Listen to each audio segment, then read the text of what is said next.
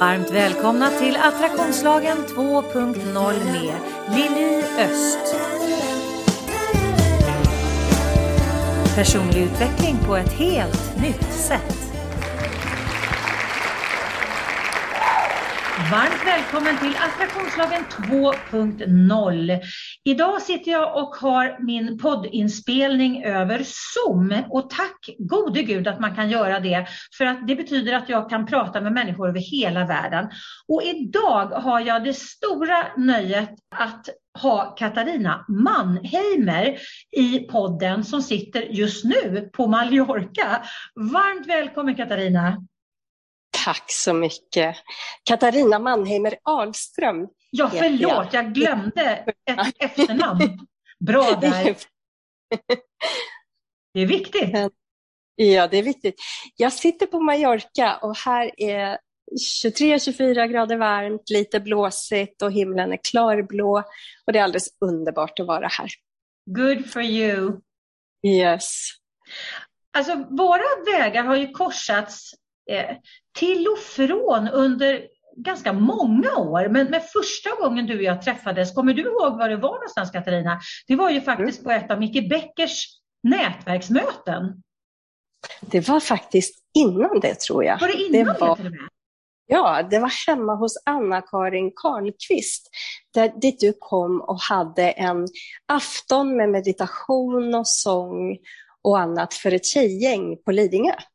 Just det, det var det som var första gången. Det var första gången jag kommer ihåg att jag var så tagen av dig, din energi och din röst och din musik och allting. Så det var faktiskt första gången. Gud, hade måste... jag, vilken tur att en av oss eh, var lite vaknare än den andra. Jag fick för mig att det var första gången på Micke Beckers, för jag tyckte det var så roligt att det var liksom det sista stället jag trodde att jag skulle träffa liksom den, den personen som du är på. Ja. Det är roligt när man liksom träffas i en helt way out-kontext. Ja, ja, det finns så många olika världar, eller hur? Ja. Man kan träffas i. Gud så härligt. Och du, du är ju då field, alltså du har ju, det är ju en, en, en meter lång presentation här. Fildoktor i socialt mm. arbete. Det här är bland annat, det här är inte allting. Du är föreläsare, samtalsterapeut, hypnosterapeut, resanterapeut och du är vägledare och mentor i medvetandeutveckling. Yes, det Av, alltså, för... bland annat. Och, och ja. det som är så coolt, det, du, så, du sadlade ju om från forskare och universitetslektor till att jobba mm. för att medverka till en högre medvetenhet. Mm, det gjorde jag. Jag jobbade som lektor på Stockholms universitet i nästan tio år och längtade efter att kunna jobba närmare Eh, människor och jag längtade också efter att kunna integrera mer av den andliga sidan hos mig, för den är ju precis lika omfattande som den andra har varit och jag känner att mm. den inte riktigt fick komma till uttryck eh, i min roll som universitetslektor. Trots att jag tyckte jättemycket om både min arbetsplats och mina kollegor och så, så kändes det som, man vet när någonting är klart. När det är klart så är det klart. Ja, och, eh. Jag bara visste att eh, det var dags att gå vidare, så jag utbildade mig först till psykodynamisk samtalsterapeut och sen till resanterapeut och sen till traditionell hypnosterapeut. Och eh, sen eh, började jag hålla kurser och retreats och föreläsningar där jag integrerade och försökte bygga broar mellan det som är lite mer traditionell teori och det som är uråldrig visdom. Och jag mm. ser det nästan som att det har varit min väg att, eh, att bygga de här broarna. Och det kan jag ju verkligen relatera till. Mm. Ja. Det här med att bygga broar från det som folk är trygga med, som man kan förhålla sig till, eh, som är lite sådär, eh, lite, om man ska säga vinkelrätt. Och sen Precis. så gifta ihop det med det som är liksom ja. det esoteriska som inte alls är, alltså det är så abstrakt så klockorna stannar, men det betyder mm. inte att det är att det är fel information utan det betyder bara mm. att det, det handlar om saker som är utanför vår perception. Ja, precis. Och det här har ju du också gjort i ditt arbete, så du mm. vet precis vad det handlar om. Mm. Och, och, jag känner att jag har hittat ett ganska bra, jag har hittat en ganska bra balans där, känner jag. Mm. Därför att eh, under tiden som jag har jobbat på det här sättet så har det ju hänt så mycket i världen också. Ja. Och det känns som att, eh, jag brukar säga att jag tror nästa steg i den mänskliga evolutionen är att vi höjer vårt medvetande därför att livet hittar alltid en väg att mm. fortsätta finnas och utvecklas. Och vi har kommit till en punkt där vi förstår att vi behöver utveckla en känsla för hållbarhet, vi behöver utveckla vår intuition, vi behöver utveckla det som hjälper oss att, att bli kvar här på jorden och bevara den här planeten, inte förstöra den. Och det är att vi höjer vårt medvetande. Så vid den punkten tror jag att vi är nu, och kanske också en hel del med hjälp av corona, så mm. har vi mm. hamnat där. Vi behöver höja vår frekvens. Mm. Och, eh, så eh, det är lättare att idag integrera den här uråldriga visdomen, tycker jag, och, och få den att liksom kännas mer allmängiltig.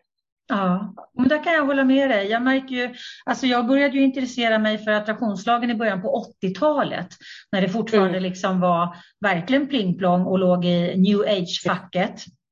Ja. Eh, och jag har ju hela tiden vurmat för att gifta ihop den vinkelrätta verkligheten med, med det energiperspektiv som man får genom att titta på attraktionslagen och få in det här i, i business, i corporate, i folks eh, vardag. Och mm. jag märker en enorm skillnad nu. Jag började ju föreläsa 2003 bytte scen från artistscenen till, till uh, föreläsningsscenen på heltid 2010. Eh, det. Och det som har skett då mellan 2010 eller 2003 när jag började och 2021, det är en enorm skillnad på acceptans och, och nyfikenhet och, och bara det här modet att våga titta på någonting som man inte har någon susning om och som ligger mm. helt utanför ens egna liksom, eh, ah. vad ska man säga, eh, där man känner sig trygg, sina trygga ramar. Eh, mm. faktiskt titta på det på det sättet. Nu poppar det ju upp eh, alltså, överallt märker jag. Bob Proctor har ju otroligt mycket adepter nu. Så det poppar ju upp eh, nya adepter, unga människor som, som eh, pratar om det här på ett helt annat sätt nu än det var mm. för, för eh, 10-20 år sedan. Mm.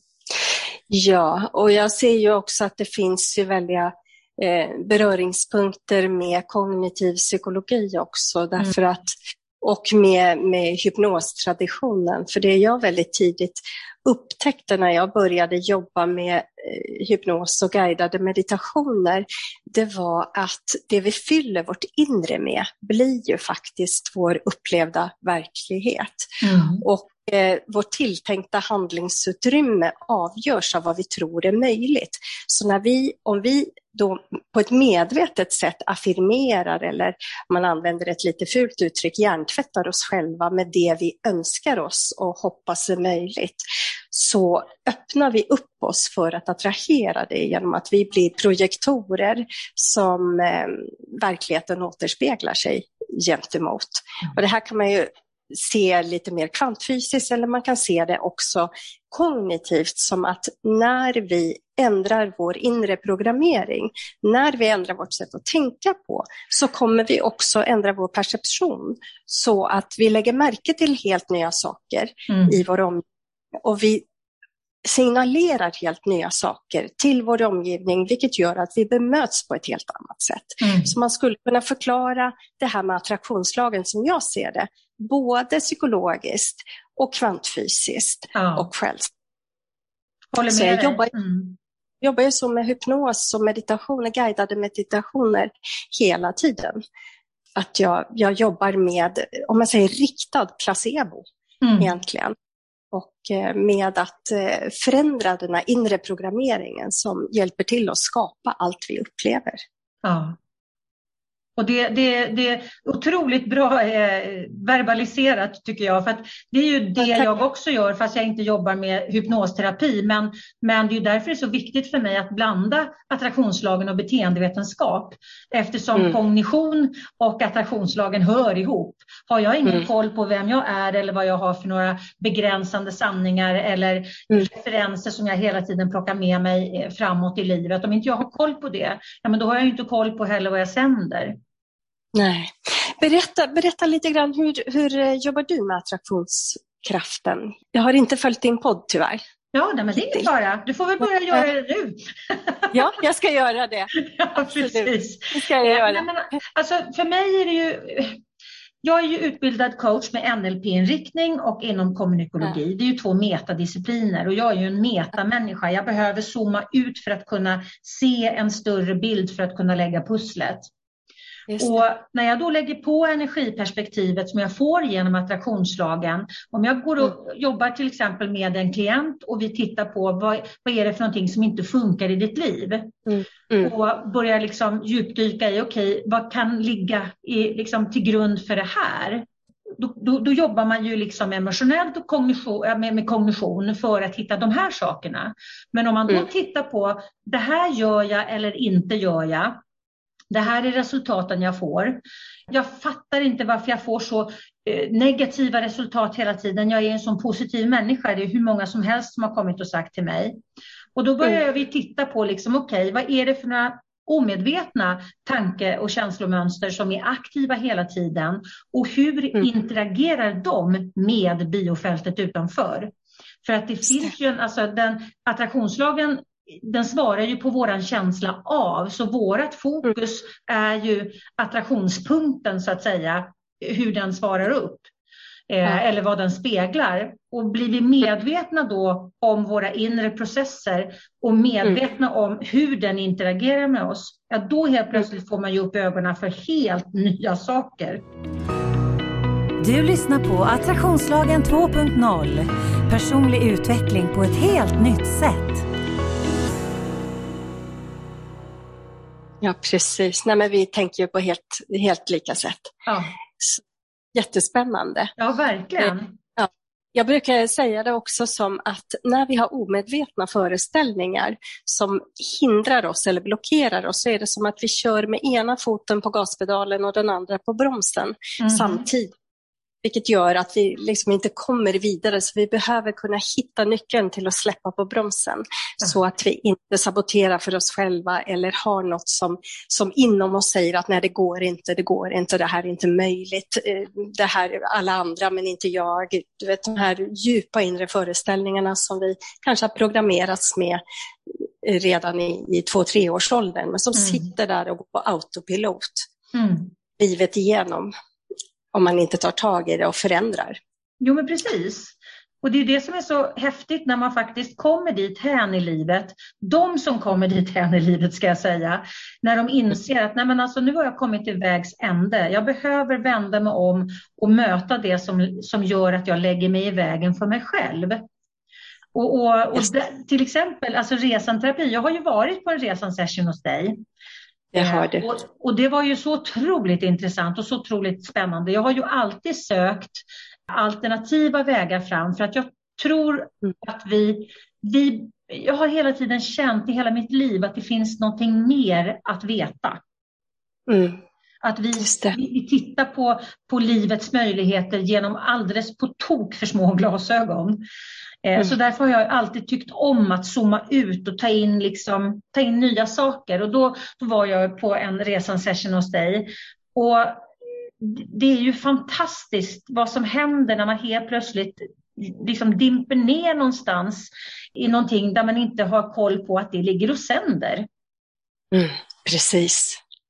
Det, det är faktiskt fantastiskt. Jag tycker att det är just resan är kanske det mest eleganta verktyg jag själv känner till, mm. eh, som jag jobbar med, därför att inte bara kommer man bakom försvaren och kan lösa upp blockeringar, utan man jobbar faktiskt på själens nivå, mm. där man ur ett om man säger, evighetsperspektiv eller andligt perspektiv verkligen kan förlåta på djupet, man kan verkligen släppa saker på djupet. Eh, djupa blockeringar som man kan släppa faktiskt generationer bakåt och framåt. Mm. Mm. Så genom att det tillåter den här otroliga, det här spacet som blir så andligt öppet så känner jag att det, det lägger på en dimension på på andra sätt att jobba psykologiskt på. Man kan mm. säga att man kan, man kan jobba med, man kan jobba på psykets nivå eller så kan man jobba på själens nivå. Och resan för mig är att jobba på själens nivå. Mm. kommer bestående förändringar och på ett jättedjupt sätt. Mm. Så jag är själv väldigt förtjust i att jobba med den metoden. Det är det roligaste jag gör faktiskt, eh, terapeutiskt sett. Vad kul. Men du, ja. för de som inte vet vad resan är, nu sitter vi och slänger oss med, med eh, hieroglyfer för någon kanske. Ja. Kan inte ja. du berätta lite grann, vad är resan? Alltså, resan är en guidad introspektion som använder meditation som inkörsport. Man kan säga att hypnos och meditation använder sig båda av samma eh, tillstånd, nämligen ett teta-tillstånd i hjärnan. Eh, eller trans kan man kalla det för. Mm. Så det är, det är ett tillstånd som vi naturligt befinner oss i eh, mellan sömn och vakenhet och som vi befinner oss i när vi dagdrömmer, som man kan göra när man står och diskar eller vad som helst. Och det man gör i resan är då att man använder en metod som man kan jämföra lite grann med en schamansk trumresa. Man reser in i sig själv till en plats där en viss blockering eller ett visst trauma finns lagrat. Och så bjuder man in då i sin fantasi, så bjuder man in allt och alla som har med den här problematiken att göra. Och så får man möjlighet att kommunicera färdigt. Och man får möjlighet att förlåta sig själv, man får möjlighet att förlåta andra, man får möjlighet att klippa av Eh, energetiska band som inte är kärleksfulla och behålla de band som är kärleksfulla i en relation till exempel. Man kan dammsuga bort eller städa bort Eh, destruktiva föreställningar som man har om sig själv eller livet. Man kan, eh, man kan läka trauman genom att spola dem fram och tillbaka. Minnet spolas fram och tillbaka tills det liksom bara är en trasselsudd kvar. Man kan använda alla möjliga ganska traditionella hypnosverktyg för att riktigt komma till botten med en viss blockering eller problematik. Och sen kan man då dessutom sluta avtal med sig själv, lova sig själv saker under den här processen. Och det som är så fint är att när man jobbar på det här sättet, när det medvetna jaget, alla våra försvar, ligger och sover en stund, får vila en stund, så är det ju det undermedvetna, det drömlika jaget som man jobbar med. Och det drömlika jaget, eller den högra hjärnhalvan kan man säga, där är allting möjligt. Och den accepterar allt du säger som en objektiv sanning utan att ifrågasätta det. Så det är som att den vänstra hjärnhalvan eller vårt försvarsjag, vårt ego, det är som en dörrvakt som under den här processen får gå på lunch. Och då är det fritt fram att jobba konstruktivt med det omedvetna som tror på allting. Och, och när du är färdig med den här processen så är det en del av dig som verkligen tror att du har haft det här samtalet, att du har förlåtit dig själv för det här, att du har förändrat den här grundinställningen eller Alltså det är någonting fundamentalt som förändrar sig under den här processen på ett bestående sätt. Så eh, det är ett magiskt sätt att jobba på. Så ehm, det, man brukar säga inom hypnosen att det går lika bra att låtsas och det är väl det som är, eh, det är, det som är också syftet med resan, att man verkligen reser in i en problematik och gör färdigt. Mm. Och det jag tycker är så vackert med att jag ju ofta använt resan eh, kring sorgarbete. Och när min klient då får föreställa sig att man kan bjuda in till ett möte med den man har förlorat, vare sig det är en person som har dött eller någon som man har skilt sig ifrån, så får man fullborda kommunikationen och prata färdigt. Mm. med den här personen och när man vaknar upp ur den här processen så känns det som att det där sista mötet blev av. Att man fick säga det där som man har önskat säga, att man hann säga innan till exempel pappa dog. Så det är väldigt, väldigt vackert vad man kan åstadkomma i den här, i den här typen av uh, hypnosarbete.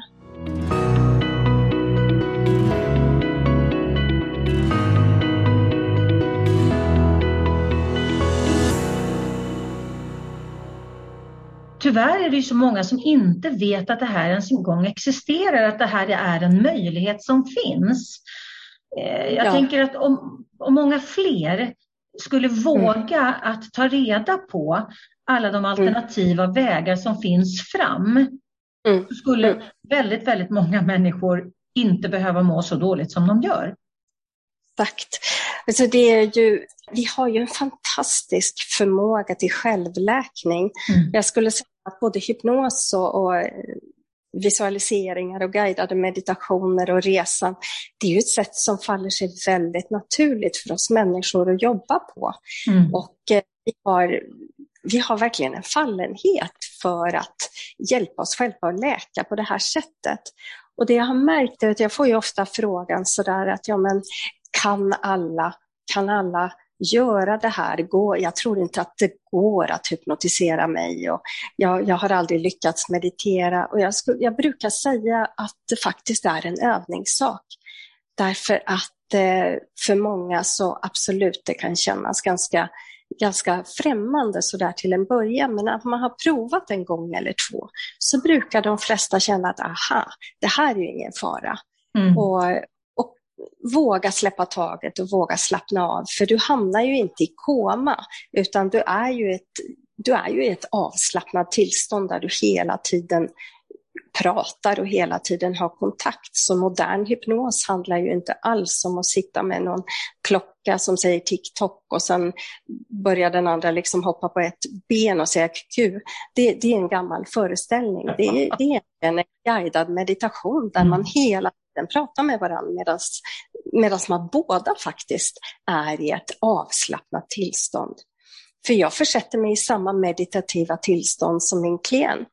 Och så, och så hamnar vi, vilket jag tycker är så vackert, för i det, i det tillståndet så kan jag liksom som terapeut logga in på min klients medvetande mm. sfär.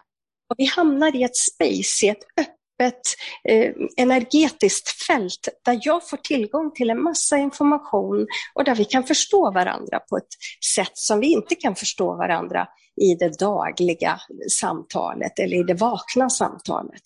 En magi. Mm. Där får jag en tanke, eh, Katarina. För ja. att om, man, om man tänker då på det kollektiva medvetandet, mm. för att få, få tillgång till det så behöver mm. vi ju sätta oss i ett meditativt tillstånd för ja. att verkligen koppla upp oss på, på det.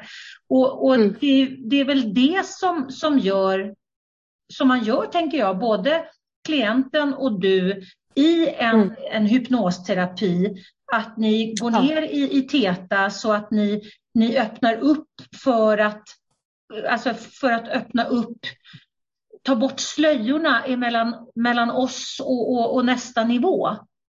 Absolut, det var jättefint beskrivet. Precis så. Det, det blev väldigt tydligt för mig när du, när du beskrev det, så blev det så tydligt för mig att man liksom att man tar bort de här filtrerna och slöjorna som ligger i vägen och så har man bara tillgång, båda två har tillgång till en helt annan informationsbank. Mm. Ja, precis så är det. Och när min klient vaknar upp ur den här processen och jag vaknar upp ur den så kommer vi ihåg vad som har hänt i en halvtimme men sen glömmer jag bort detaljerna och sen glömmer min klient bort detaljerna. Mm. Så det är som att vi har varit i ett land tillsammans, mm. klienten och och varje process står liksom för sig själv. Mm. Så jag behöver, för att komma ihåg vad vi jobbade med sist så behöver jag hamna i samma tillstånd igen. Ja, så säga skönt. Så jag känner att det är en väldigt speciell plats att vara på. Och eh, jag skulle väl inte kalla mig själv medial så där till vardags. Men när jag hamnar i det där tillståndet så, så får jag tillgång till information som jag inte annars skulle få. Mm. Så i de tillfällena så kan jag säga att då kan jag hjälpa till med saker på ett helt annat sätt än vad jag kan göra som vanlig vaken eh, psykodynamisk terapeut. Mm. Så. Mm. Ja, men det förstår jag och jag kan, jag kan relatera för att när jag coachar, då är mm. det eh, oftast så är det att jag är ledd.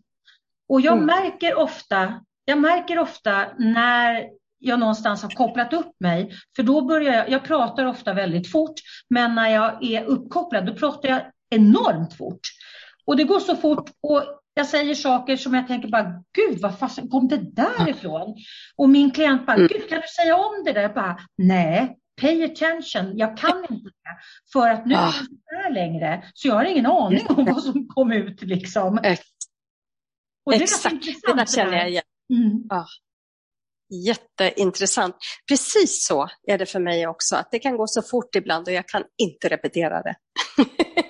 Man, man vet att man har sagt något som har varit liksom avgörande viktigt och, och, ja. och, och, klokt, men, men att återberätta, nej tyvärr. Alltså, du får spela mm. in mina sessions för att jag kan inte återberätta allting. I'm sorry. Pay attention. ja.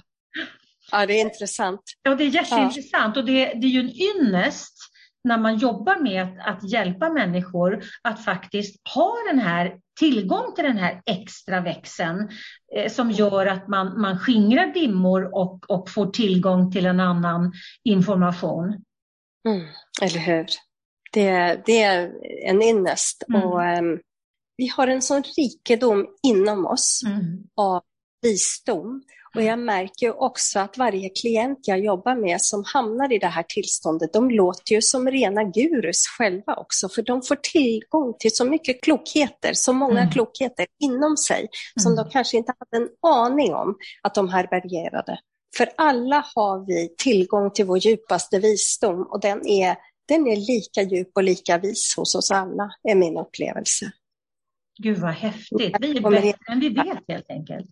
Vi är absolut bättre än vi vet. Vi har otroligt, och där kommer jag liksom till min nästa, min nästa passion, eller den är ganska nykommen. Men det är det här med att faktiskt våga, att vi människor måste bli bättre på att våga lita på vår inre visdom som en tillförlitlig informationskälla. Mm. Därför att vi förlitar oss, vi är så utifrån styrda. Vi förlitar oss så mycket på det vi läser, det vi hör från auktoriteter, det vi tar in från nyheter och sociala medier och det vi läser oss till. Och jag får säga att själv var jag väldigt länge otroligt styrd av det som kom utifrån, från det jag då kallade auktoriteter på mm. något sätt. Och ju mer vi lyssnar utåt, desto mindre hör vi vår egen röst och desto mindre får vi fatt i vår egen inre visdom. Så vi lever i en tid där det är så otroligt viktigt att börja ge ett mycket större tolkningsföreträde åt den inre visdomen, intuitionen, den inre sanningen, det vi bara vet inom oss. Mm. Jag menar inte att vi inte ska lyssna på experter eller följa nyheter i en viss utsträckning eller, eller läsa oss till saker, men vi måste också ge vår inre röst eh, bäring. Den måste få bli lika viktig. Det måste bli två likvärdiga informationskällor. Behöver du hjälp att sortera i ditt liv? Läs mer på liliost.se. och att man inte ifrågasätter den utan att, att man har tillit till att den, det är för vårt högsta bästa och det kommer inifrån och vi har den, mm.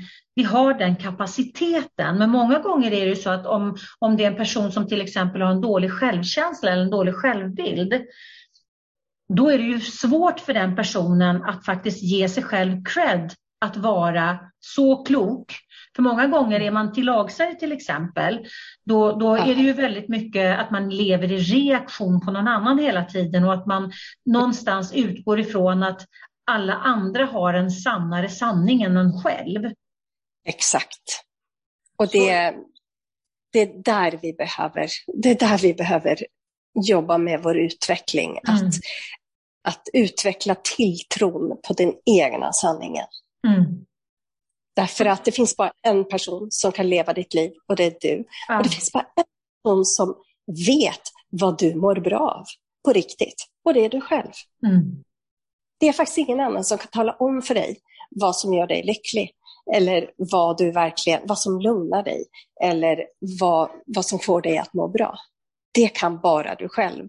Om du har tystat den här inre rösten som visar dig vägen till de platserna, så då kan ingen annan göra det åt dig. Nej. Så eh, det är jätte, jätteviktigt att vi lär oss lita på vår egen röst. Mm. Och ge spacet. Exakt. Och det finns ett fantastiskt sätt med vilket vi kan göra det här. Och det är att lära sig att kommunicera med sitt hjärta. Mm. Och det finns ett trick för det. Ska jag berätta om det? Ja, gör det. Ja, jag har lärt mig det här eh, av Greg Braden. Ja, då, vet jag, då är det samma sak som jag brukar proklamera kan jag säga. Ah, vad bra. yeah. Då är det, det, det man gör då är att han, ut, han börjar säga, och det här vet jag ju att det är sant också, att eh, vårt hjärta har hjärncellsliknande tankeceller mm. eh, som kallas för sensoriska neuriter. Och de här hjärthjärncellerna kommunicerar med oss hela tiden och kommunicerar även med vår hjärna. Mm. Men eftersom vi, vi behöver stilla oss för att höra hjärtats tankar så behöver vi hamna i ett tillstånd av meditation, ett meditativt tillstånd. Och det är helt enkelt för att hjärtat är så känsligt att det börjar inte prata med oss innan vi verkligen fokuserar på det. Så det man gör för att få fatt i hjärtats röst, och hjärtat ljuger aldrig, det är alltid fullständigt ärligt. Men det pratar med oss på ett lite annorlunda sätt än vad hjärnan gör. Det pratar med oss fåordigt, det är enstaviga svar, det är ja eller nej. Det, det är som sagt alltid helt ärligt. Så det man gör är att man sluter sina ögon. Därför att då riktar vi uppmärksamheten inåt och hjärtat förstår att nu är det lugnt och tryggt och skönt. Så andas man långsamt och det är också för att man kommunicerar till kroppen att det är safe, det är lugnt, allt är tryggt och bra, det är ingen fara. Och så lägger man sina händer på hjärtat därför att rent fysiologiskt så är det så att den, del, den kroppsdel vi rör vid, dit kommer fokus att gå. Och så sitter man och andas lugnt med ögonen slutna och håller sig på hjärtat. Och så ställer man en fråga till sitt hjärta. Och när man ställer den här frågan som kan vara att ska jag, ska jag göra det här eller inte? Eller vad ska jag göra härnäst? Eller vill jag verkligen det här? Eller vad ska jag välja? Då kommer det ett svar från hjärtat och då kan man lita på att det hjärtat säger är fullständigt sant i det innestående ögonblicket. En minut i taget. Så. Men det som är sant för dig just då, det kommer hjärtat att svara på. Jag använder det, det ofta vara... i, min, i, min, eh, i mina coachningar. Ja, vad bra. Mm. Jag med. Vi jobbar lika. Mm. Och det är så roligt för att när, man, när, när det är frågor som, som eh, jag frågar och de går upp i huvudet och sen lägger de handen på hjärtat och frågar mm. inåt. Det är väldigt, väldigt ofta som, de, som mina klienter blir enormt rörda för ja. att, att då, alltså man, man slår ju an en sträng och bara att hjärtat blir lyssnat på gör ju att man blir rörd. Mm. Precis. Och hjärtat är ju så känsligt. Mm. Det är ju mm. därför, det som är så härligt att tänka på, att hjärtat är alltid intakt. Det som har hänt är att vi har lärt oss resa vad säger, sköldar kring våra hjärtan. Men bakom de här sköldarna så är ju hjärtat fullständigt tillgängligt. Mm. Och det är sårbart och det är tillitsfullt och det är ömt och det är kärleksfullt och det är oskuldsfullt och det är hur vackert som helst. Så när vi kommer åt vårt hjärta utan att sköldarna är framme så har vi ju tillgång till en sån skatt som mm. vet exakt vad som är bra för oss och som älskar oss och andra ovillkorligt. Mm. Så um, våra hjärtan är alltid oförstörda. Mm. Vad fint du beskriver det. Tack. Jättefint. Du, mm. du, du hade ju en initial fråga på din hemsida i dig själv. Varför mm. går vi människor sönder och hur kan vi läka? Ja. Det, det har varit en fråga som har drivit mig eh, till mitt yrkesval kan jag säga, som har mm. drivit mig hela livet, som har fascinerat mig så mycket.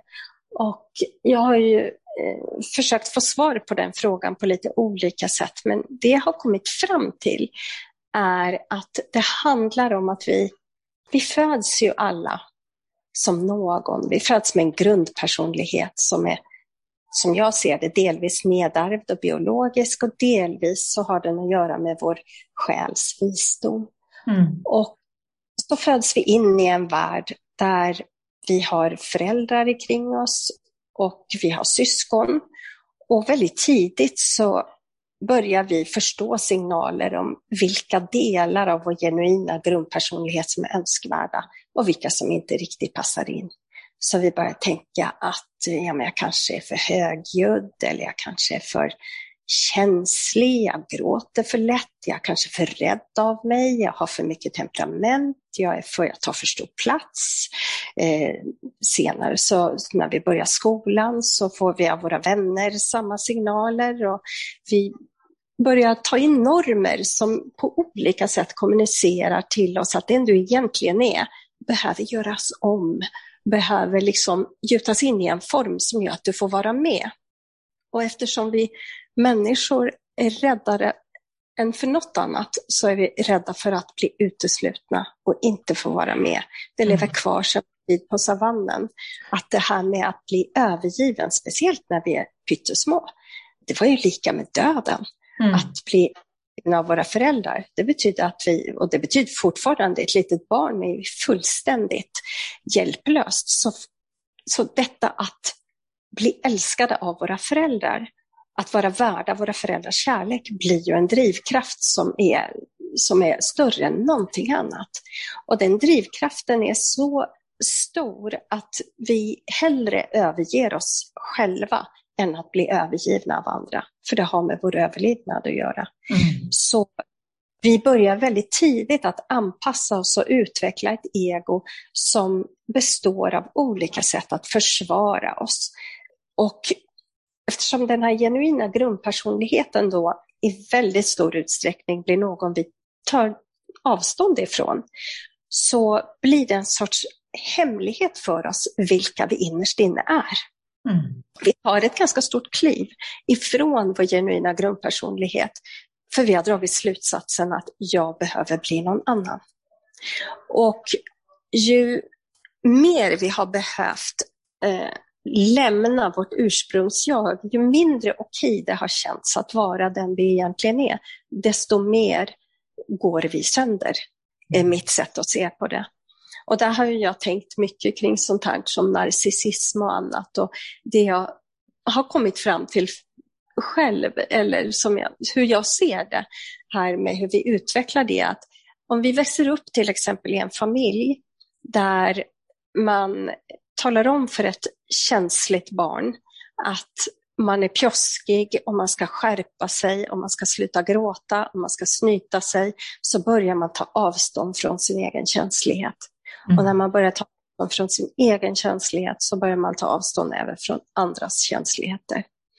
Och utvecklar en hård och arrogant och sarkastisk sida som egentligen helt har tagit avstånd från ursprungsjaget, för man har förkastat det och ser det som värdelöst.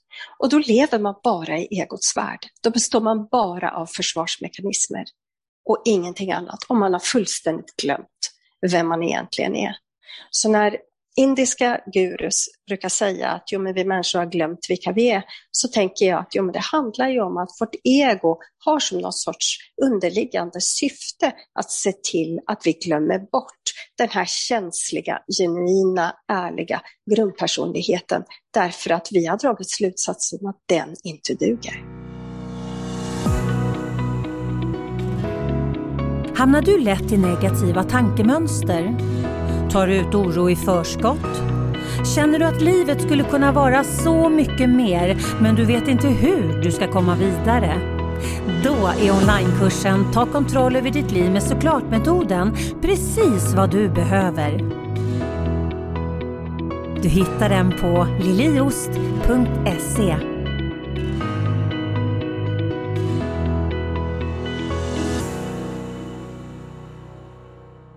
Och, det ligger ju till grund för alla krig i världen skulle jag säga. Ja, jag skulle säga det också. Det är det här avståndstagandet, så ju mer vi skulle kunna få vara de vi är och få stöd för det i våra familjer utan att bli tillrättavisade och intalade att vi är fel, mm. så skulle vi kunna leva ett liv utifrån en, liksom kärleks, ett kärleksfullt förhållningssätt till oss själva som också då gör att vi blir mer kärleksfulla och mindre separerade från omgivningen. Mm. För det här ego skapar, som jag ser det, den här programmeringen som vi har, den skapar separation. Men vi föds till världen i fullständig kärlek och vi är helt i enhet med både oss själva och andra. Så när man pratar om oneness så handlar det om den här känslan av samhörighet med både oss själva och omvärlden. Att det är inte vi och dem, det är inte svart och vitt, utan det är tillsammans. Mm. Och den är så viktig också, tänker jag, den är så viktig att lyfta för att det är ju så otroligt separerat. Och mm. man tänker att det är ett vi och dem. Och, och mm. man tänker att, att jag är inte samma sak som du. Men mm. alltså, till syvende och sist så är vi det. Vi är en del av någonting större. Och skadar mm. jag dig, då skadar jag indirekt mig. Yes, så är det. Så är det precis så. Mm.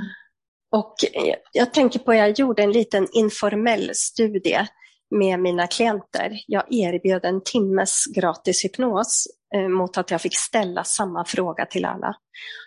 Och eh, jag ställde frågan att om det finns något som håller dig tillbaka från att leva livet fullt ut, vad skulle det kunna vara? Och jag blev så förvånad, för 20 av 20 deltagare svarade i princip på samma sätt. Jag känner att jag inte duger som jag är. Gud, nu fick jag, rysningar på hela kroppen. Jag tror det är ett universellt problem som mm. vi har, allihopa. Och min, eh, mitt sätt att se på det är att eh, vi har den här känslan därför att vi har övergivit den vi egentligen var. Mm. För den, vi utgick från att den du egentligen är, den duger inte. Och så gör du om dig till den här kvasipersonligheten. Då normerna formar dig till den här kvasipersonligheten. Men det är ju en roll du spelar, mm. så du kan inte känna duger som den heller. Så vi hamnar mellan åsnan och vagnen därför att vi har övergivit vår sanna grundpersonlighet för den har inte fått tillräckligt med stöd. Och sen känner vi oss misslyckade för vi spelar en roll som aldrig kan bli på riktigt. Och jag tror att det här är sant för nästan. Alltså, jag, har, jag har gjort tusentals resanprocesser och jag tycker mig se det här mönstret, har sett det genom alla år, att det verkar vara den gemensamma nämnaren. Det är här skon klämmer för väldigt många av oss. Mm. Och hur kan det vara så att vi lever i en värld full av människor som innerst inne inte tycker att de duger?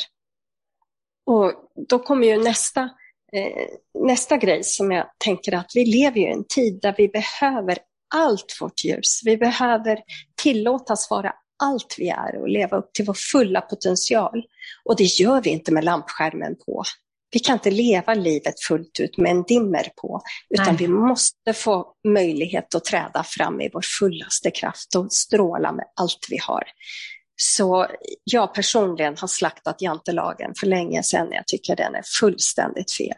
Och den, den pågår ju inte lika mycket för våra barns generation, men för min och din generation och för, inte, för att inte tala om våra föräldrars generation mm, så mm. var ju jätteutpräglad. Jante och Luther. Ja, det, i, i Skandinavien har vi varit jättepåverkade, kanske i hela västvärlden, men, mm. men väldigt mycket i Skandinavien skulle jag mm. säga. I att du, du, eh, du ska inte tro att du är någonting och du får inte ta för stor plats. Vare sig mm. för liten eller för stor, du ska vara precis lagom. Mm. Och eh, vi kan inte förändra den värld vi har idag eller lösa de problem vi har idag om vi ska vara så lagoma. Utan Men det går vi behöver... inte. all vår strålkraft, all Ja. vår potential. Om jag tittar på det ur ett energiperspektiv och, och utgår ifrån att attraktionslagen funkar lika, attraherar lika. Vi lever ju i direktsändning hela tiden. Om vi Absolut. både tar med det kollektiva medvetandet och de facto att vi lever i direktsändning och Mm. allting händer här och nu så att om jag oroar mig för framtiden så är det här det blir aktuellt och det blir här det blir min sändande magnet. Om jag hela tiden plockar fram gamla eh, dåliga referenser från, från way, way back hit, då är det här de ligger och sänder och blir min aktiva magnet. Så att om vi ska kunna skapa en förändring i världen, då behöver vi leva den förändringen redan här för att kunna få en annan eh, framtid. Och- Exakt. och, vi behö- och det, är så viktigt, det, det, det är så viktigt att poängtera att vi kan inte vänta, det kommer bli bättre sen. Nej, det kommer bara bli bättre sen om vi gör någonting i vårt nu. Exakt. För det finns på så sätt bara nu. Mm. Det är det enda det innestående ögonblicket. Framtiden är en illusion på så sätt att den lever i vår fantasi. Och det som har varit är också en illusion, för det lever i vårt minne. Mm. Så det enda som är verkligt är det innestående ögonblicket. Och det är utifrån det innestående ögonblicket vi skapar varje framtidsögonblick. Så du har helt rätt i det du säger och du, Mm. du säger det på ett väldigt bra sätt. Ja, detsamma. Så, och, och, det, och jag tänker att det är så viktigt, de här sakerna är så viktiga att lyfta för att det här handlar ju om vårt individuella ansvar. Vi kan Mm. inte vänta på att världen ska bli bättre och att någon annan ska göra världen bättre utan den måste ju, alltså alla vi som jobbar som ljusbärare, som jobbar som lightworkers eller som Mm. är en ljusbärare, inte jobbar som det men är en ljusbärare. Alltså Mm. alla som kan påverka det kollektiva medvetandet på ett, ett starkt, positivt, ljust, kärleksfullt sätt. Ju mer Mm. människor som har den attityden och, och den inställningen och, och den, eh, det förhållningssättet, ju mer Mm. energi lägger vi ju upp i det kollektiva medvetandet som kan göra att det påverkar en större del av världen. Ja, absolut. Så vi kan Det- verkligen göra någonting, alla vi kan göra någonting för att bidra med, med mer goda tankar, mer goda handlingar som vi lägger upp eh, som, som kan spridas. Ja, tillsammans är vi starka. Ja, Vi är fler bättre. Så eh, jag har tilltro till framtiden. Jag, jag tror vi är på väg åt ett bra håll och jag ser det, jag ser det inte alls som att vi är i, absolut vi är i en, eh, vi är i en eh, till synes väldigt svår tid, men det finns också väldigt vackra aspekter av den tiden och det finns också en väldig utveckling i den. mm. Så jag tror, att, jag tror på en, en ljus framtid. Det gör jag också. Och jag tror Mm. att det finns en, en, en, eh, det finns en, en, en högre plan för att stanna, stanna upp oss en stund. Och nu menar inte jag eh, konspiratorisk utan, utan rent liksom, det finns en högre plan för att stanna upp oss en stund för att Mm. när vi får tid för reflektion, när vi skapar det här spacet, då, Ja. då, då får vi helt andra insikter som leder oss i ny, nya riktningar. Precis, Mm. så är det. Ja. Ja, jag tror det här året har varit utvecklande för väldigt många. Svårt Mm. på många sätt, också utvecklande. Mm, mm, absolut. Ja, utveckling har- är inte alltid rolig. Nej, ganska sällan är den Ja, rolig. Den handlar, det är ofta kriser som eh, Mm. för oss framåt. Det är då Mm. vi ödmjukas till att närma oss oss själva Mm. som mest. Och eh, vi blir tillräckligt eh, omskakade för att eh, verkligen titta på oss själva och, och eh, fundera över vad som verkligen är viktigt i livet och så. Mm. Mm. Vi eh, kan inte springa omkring på samma sätt utan eh, blir inte lika distraherade. Nej. Så eh, vi har, vi har behövt titta på vad som verkligen är viktigt i livet och vi har behövt gå djupare in i oss själva och rikta blicken inåt. Mm. Och det, det är sant för, för oss alla det här senaste året skulle jag säga. På min hemsida liliost.se hittar du massor av matnyttig information både för dig som privatperson såväl som för er som företag. Du hittar mina onlinekurser och vad som är på gång och aktuellt just nu. Du kan köpa mina böcker och få dem signerade och du hittar min musik, bland annat vignettmusiken till podden. Och under fliken gratis har du nedladdningsbara pdf och minikurser som kan hjälpa dig att lyfta ditt liv och teamet till en ny nivå. Men du, det här med att, att rikta blicken inåt och eh, mm. titta på livet genom andra glasögon. Du har ju verkligen gått igenom, förutom covid nu, så har ju du verkligen gått igenom en personlig kris. Eh, mm. Genom att du fick berätta. Ett par veckor in i coronapandemin så diagnostiserades jag med en elakartad tumör i mitt vänstra bröst. Eh, jag fick diagnosen den 29 april och eh, hade då en invasiv duktal bröstcancertumör. Och eh, den var inte jätteaggressiv, det var tidigt. Vi upptäckte den, men den hade en tillväxtgrad på 8 procent. KI67 heter det, det man mäter tumörers tillväxtgrad med. Och eh, när jag fick min diagnos så fick jag veta att jag skulle först opereras och jag fick operationsdag bara 14 dagar, 13 dagar efter diagnosen. 12 maj skulle jag opereras. Och sen så skulle jag gå igenom strålbehandling en månad efter operation och sen skulle jag sättas på antiöstrogentabletter i fem år. Och eh, när jag fick den här diagnosen, det var ju väldigt omtumlande, men jag kommer ihåg att jag, jag kände väldigt, väldigt starkt att det här ska jag klara. Det blev liksom ett mantra för mig att jag ska klara det här. Och eh, jag kommer ihåg hur min man Thomas följde med mig till eh, läkaren den dagen och hur jag tillsammans med honom gick hem och, och sa att det här kommer jag att klara.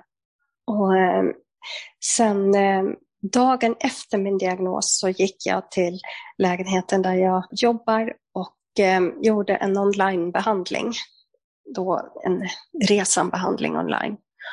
Och precis när jag skulle packa ihop mina saker så ringde Thomas och sa att eh, han hade lite ont i halsen. Och vi var ju båda väldigt angelägna om att jag inte skulle bli sjuk eller missa min operationstid.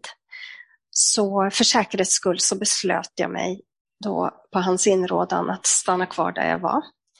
Och, ehm, så jag karantänade mig fram till operationen eh, i min extra lägenhet medan han då var kvar i vårt gemensamma hem.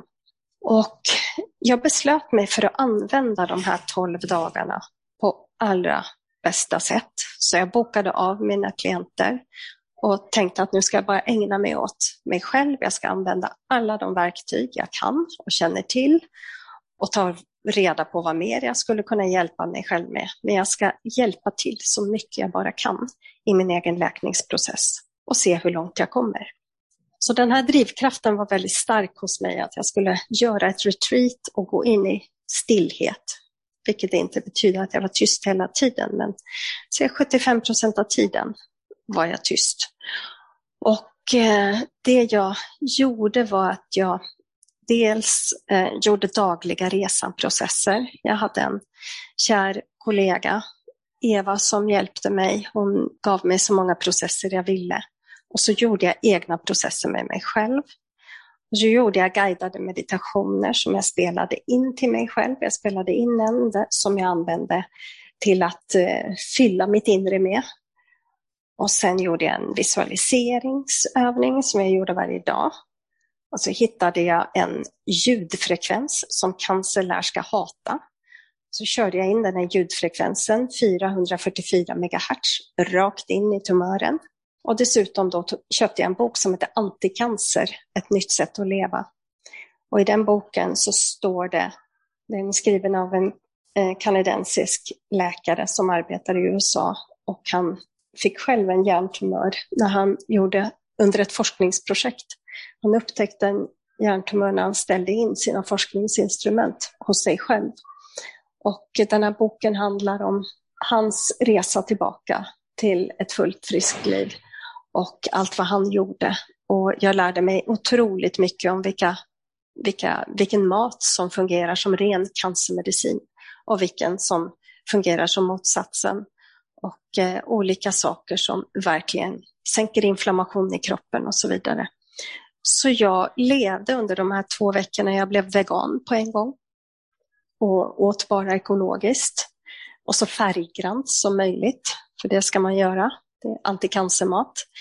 Och eh, när operationsdagen kom så opererades då min tumör ut.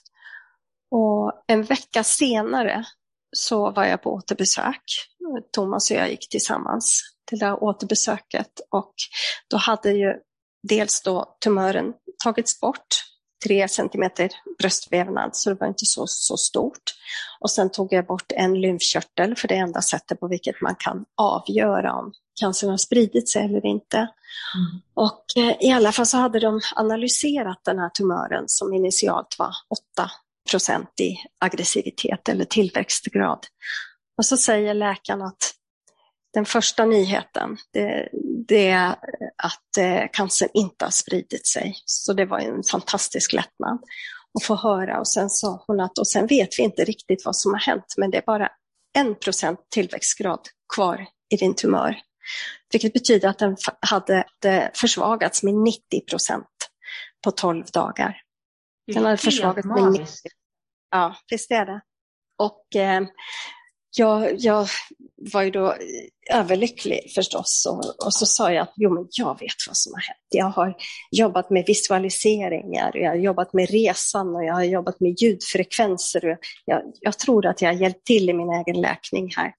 Och eh, läkarna, läkaren sa ju då att, eh, som man ju kan förvänta sig att, att de ofta gör i den traditionella medicinen att jo, men det kan ju inte skada och ibland läker tumörer spontant och mm. man vet ju aldrig.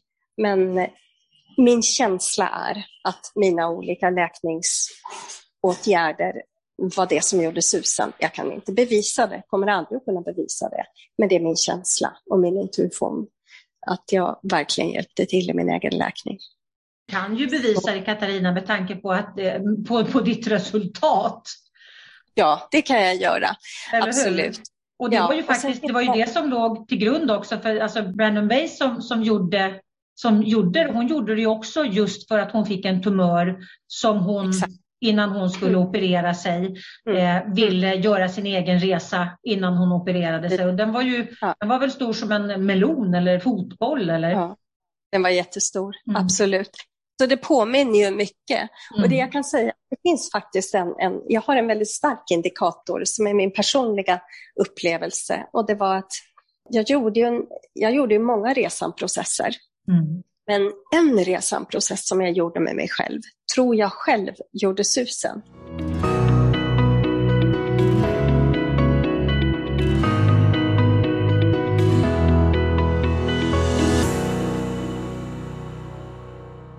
Det var en morgon när jag kände mig riktigt eh, edgy och nervös och jag mådde riktigt dåligt och kände att det var ett bra utgångsläge för att göra en djupdykning i mig själv. Så den här processen som jag gjorde den morgonen var en resa jag gjorde utan hjälp så att säga. Det var ingen mm. terapeut utan jag tog mig själv igenom den här processen. Jag har nämligen spelat in en resan-process som jag kan använda själv vid behov. Så jag la mig på soffan i lägenheten där jag brukar meditera och eh, tog mig genom en process. Och så dök jag in i tumören. Jag visualiserade att jag reste in till min tumör. Och igen, som så många gånger innan, så frågade jag tumören vad som var den känslomässiga komponenten hos den här tumören. Den var väl säkert orsakad av en massa olika eh, saker. Men vad är den känslomässiga komponenten här? Och plötsligt så fick jag se en eh, vision som förvånade mig lite, att jag såg att hela min vänstra sida från halsen och ner till fötterna var helt tom, medan min högra sida var kraftig och liksom full av liv. Så tänkte jag, att vad kan det här symbolisera? Men så kom det plötsligt en tanke att jo, men i den yogiska traditionen så säger man ju att den feminina sidan är den vänstra sidan, förutom mm. hjärnan. Är liksom den vänstra sidan den feminina och den högra sidan är den maskulina. Och då tog jag det här till intäkt för, det blev en symbol för att min feminina sida på något sätt var försvagad. Mm. Och plötsligt så fick jag se liksom mitt liv passera revy för min inre blick som på en filmduk. Och jag såg hur jag vid olika tillfällen i livet har negligerat eller sett ner på min feminina kraft och inte tagit de feminina liksom, drivkrafterna på alls lika stort allvar som de maskulina. Att varje gång jag velat åstadkomma någonting eller vill liksom bli tagen på allvar eller vill få respekt, vilket jag har kämpat med ganska mycket i mitt liv, då har jag alltid använt mig av min maskulina sida. Jag har forskat, jag har letat fakta, jag har försökt låta, låta liksom påläst. Men allt som har med min känslighet och min kreativitet och min intuition och sidor hos mig själv som är jätteframträdande, det har jag liksom inte riktigt själv tagit på allvar. Nog för att det i min familj inte togs på allvar. Men jag har fortsatt för egen maskin att ta liksom det patriarkala på större allvar, lyssna på det, lyda. Mycket, mycket mer än vad jag har liksom vågat stå upp med min feminina kraft. Mm. Och när jag fick fatt i det så plötsligt började den här liksom vänstra sidan att få liv igen och den blev helt ljus, inklusive tumören. Och så började den här tumören att klia jättemycket. Och så hörde jag orden i mitt huvud att it is done. Och en indisk bhajan, en indisk psalm som heter Amma Amma Taje började sjunga i mitt huvud och jag bara visste att läkningen hade påbörjats. Och jag grät och grät och grät och grät utan att riktigt veta varför. Men jag var helt utmattad och sov i flera timmar efter den här processen. Och eftersom jag med min intuition och mitt inre vetande bara visste att nu har någonting hänt sådär som att när det är något riktigt stort som har hänt i livet och man måste fira, så jag började, jag ringde till min man och förklarade helt osammanhängande att hela min vänstra sida var helt tom. Och det är lite svårt att ta till sig när man liksom inte alls är i det spacet. Helt ur sin kontext dessutom. Ja, helt ur sin kontext. Och tumören började klia. Och det var liksom att, han har alltid stöttat mig jättemycket, men det här var lite väl mycket för honom att tro på att jo, jo, men whatever, liksom, vad bra att du känner att, du, att något har hänt. och, så, och så var det en, två saker till som också var sådär jättehäftiga. Och det var att jag gjorde varje dag gjorde jag en visualisering med mig själv, en sån här liten hypnosvisualisering. Så jag såg framför mig, och det var en sån här symbol för mig, jag såg framför mig en sån här mässingsplatta som på en har du sett hissar i USA? Har ofta på en, jag har liksom en platta där det står vilken våning man är på. Att ovanför en amerikansk gammal traditionell hiss så kan det finnas en halvmåneformad mässingsplatta med en visare som visar, visar den översta våningen och så ser man liksom hur de här visarna går som, ungefär som en klocka ner till den lägsta våningen. Mm, så jag såg en mässingplatta med en traditionell klockvisare som stod på åtta. Och så tog jag det till intäkt för att det där betyder säkert för mitt omedvetna att jag vet att tumörens tillväxtgrad är åtta. Mm. Så jag jobbade, jag jobbade då med att visualisera att jag drog ner den här till fyra. Och så gjorde jag det i flera dagar. Jag drog ner den här visaren till fyra. Och plötsligt en dag när jag hade hållit på med det här ett tag så ser jag att visaren står på två. Så tänker jag, gud så bra. Nu, nu kan det här betyda att tillväxtgraden har gått ner till två eller att den är på väg dit i alla fall. Så jag trodde ju verkligen på det här och jag tror ju att tron kan försätta berg. Mm, oh ja.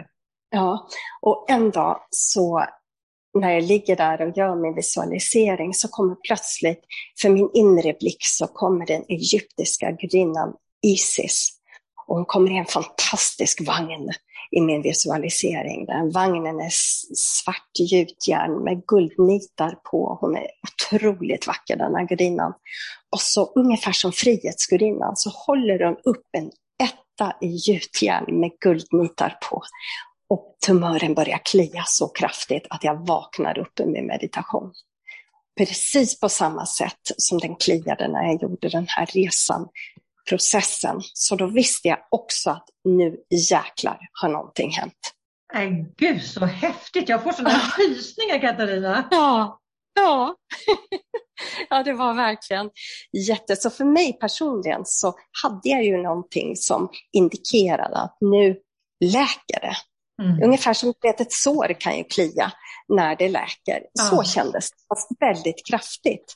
Och sen var det en tredje sak som också eh, gjorde att tumören kliade. Och det var att jag hittade ju en ljudfrekvens på Youtube, en solfeggio-frekvens. Och det är, solfeggio-frekvenser används ju ofta i meditation som det skapades en gång i tiden av gregorianska munkar. De hittade mm. de här frekvenserna och, och trodde att det här skulle gynna läkning i kropp och själ. Och eh, de här frekvenserna finns ofta liksom som grundton i salmer och de finns mm. också i sanskrit. Och det går att ladda ner de här frekvenserna på Youtube och de lär ska vara bra för olika saker. Det finns, de följer liksom chakrasystemet och de ska mm. vara bra för att öppna hjärtat eller för fokus eller för healing. kommunikation. Mm. Eller, ja, healing av olika slag. Ja, precis. Jag har ju ofta använt de här frekvenserna som en sorts förstärkning för de guidade meditationer som jag har spelat in till mina mm. klienter genom tiderna och även använt själv. Så, så jag lägger till då någon solfeggio-frekvensmusik i bakgrunden och så mm. läser meditation. Och då började jag googla efter solfeggio-frekvenser och cancer. Jag bara skrev in det på Google, solfeggio och cancer.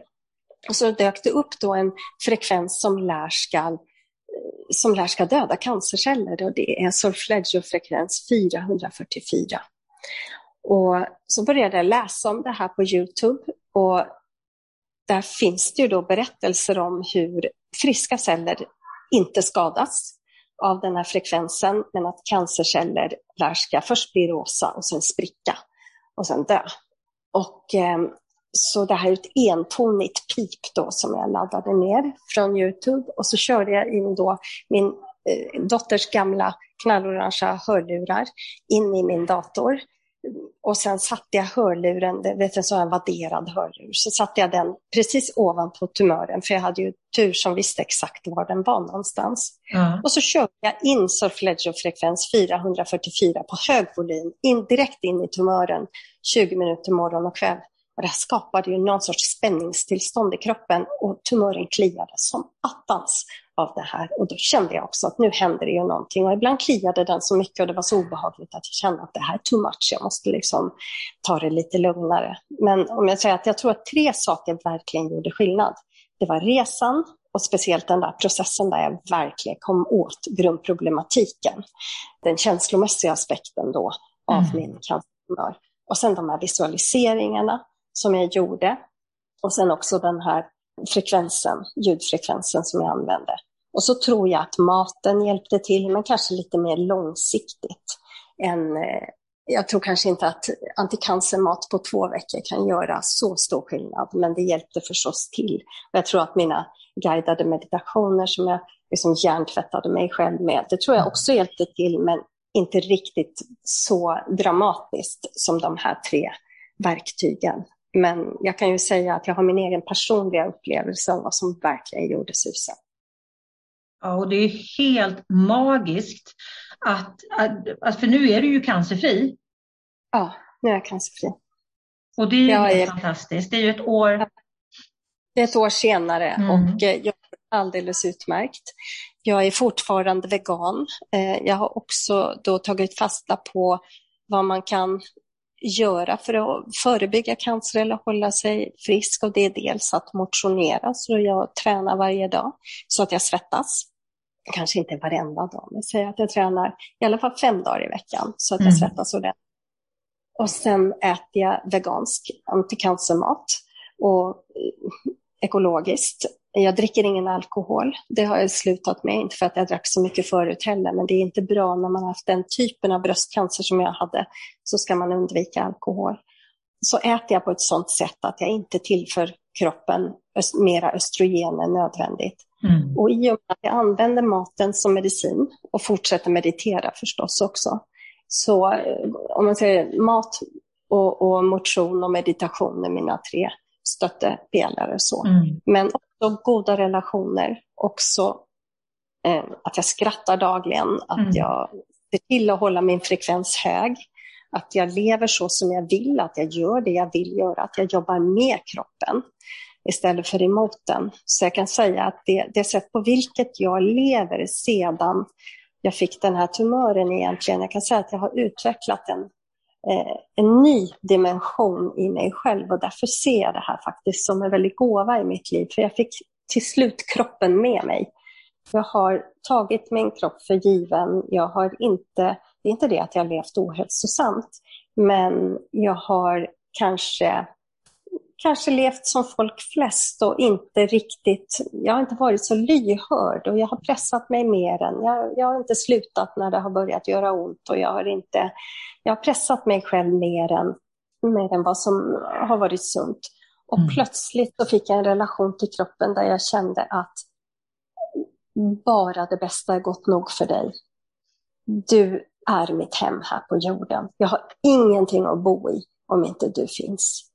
Så säg mig vad jag kan göra för att hedra dig på bästa möjliga sätt.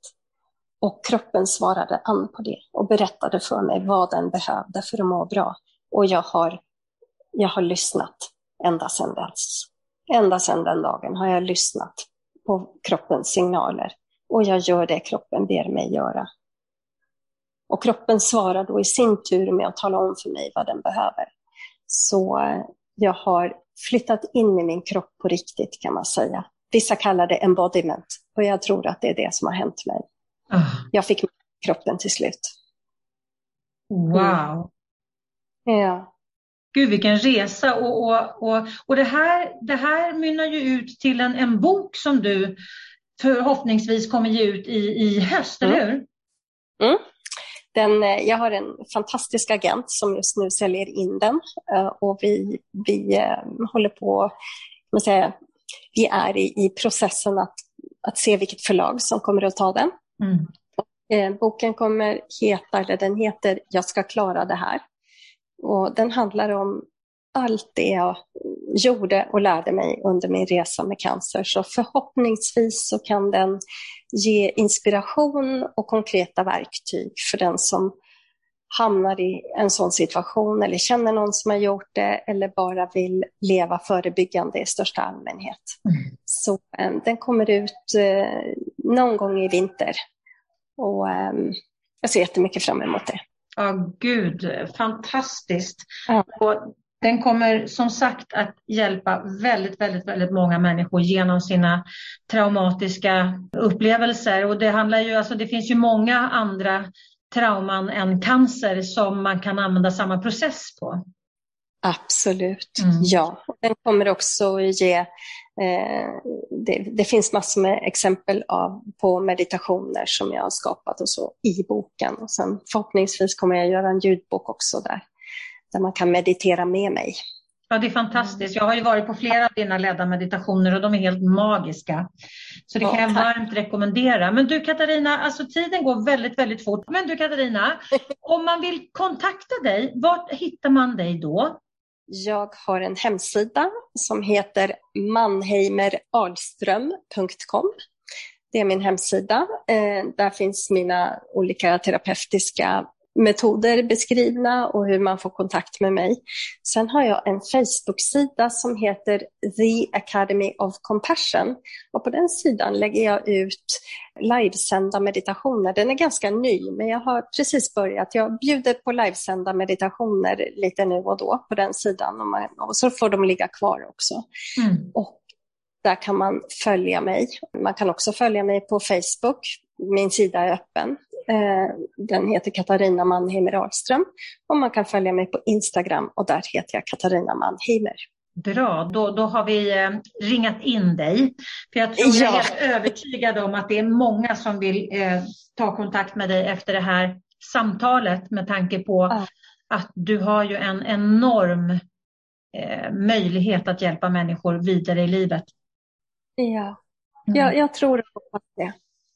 jag, eh, jag tror det. Jag är övertygad. Ja. jag finns här. Ja. Men du Katarina, nu ska du få återgå till solen på Mallorca. Ja, den är fortfarande stark. Så här sent, nu klockan halv sex. Ja, den skiner fortfarande. Ja, så, härligt. Eh, tack. Du ska återgå till din dag och tusen tack för din tid och för att du ville ha mig med. Det är en stor ära. Ja, och det är en stor ära att ha dig i podden. Så att eh, jag önskar dig en magisk kväll och tack snälla du som lyssnar och varmt välkommen tillbaka nästa vecka. Hej då! Hej då! Du har lyssnat på Attraktionslagen 2.0. Vill du supporta podden, gå in på liliost.se supporter. Och tycker du att det vi pratar om här i podden är viktigt, dela gärna i dina kanaler. Tänk efter lite grann. Hur har du det omkring dig nu? Är du nöjd? Är du nöjd med det du har? Var är du i ditt liv? Har du funderat på att ta ett annorlunda kliv? Känner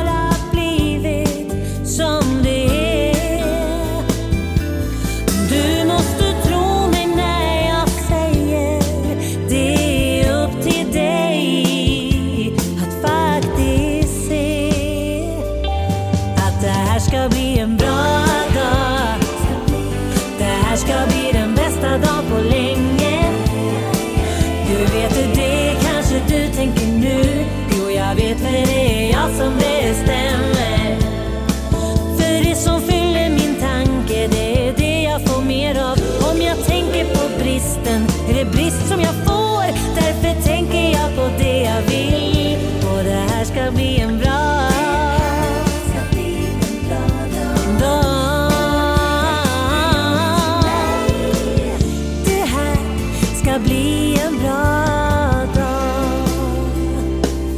Tänk efter lite grann. Vad är det som du tänker på allra mest? Det du har eller inte har. Vem är du i ditt liv? Och har du tagit rodret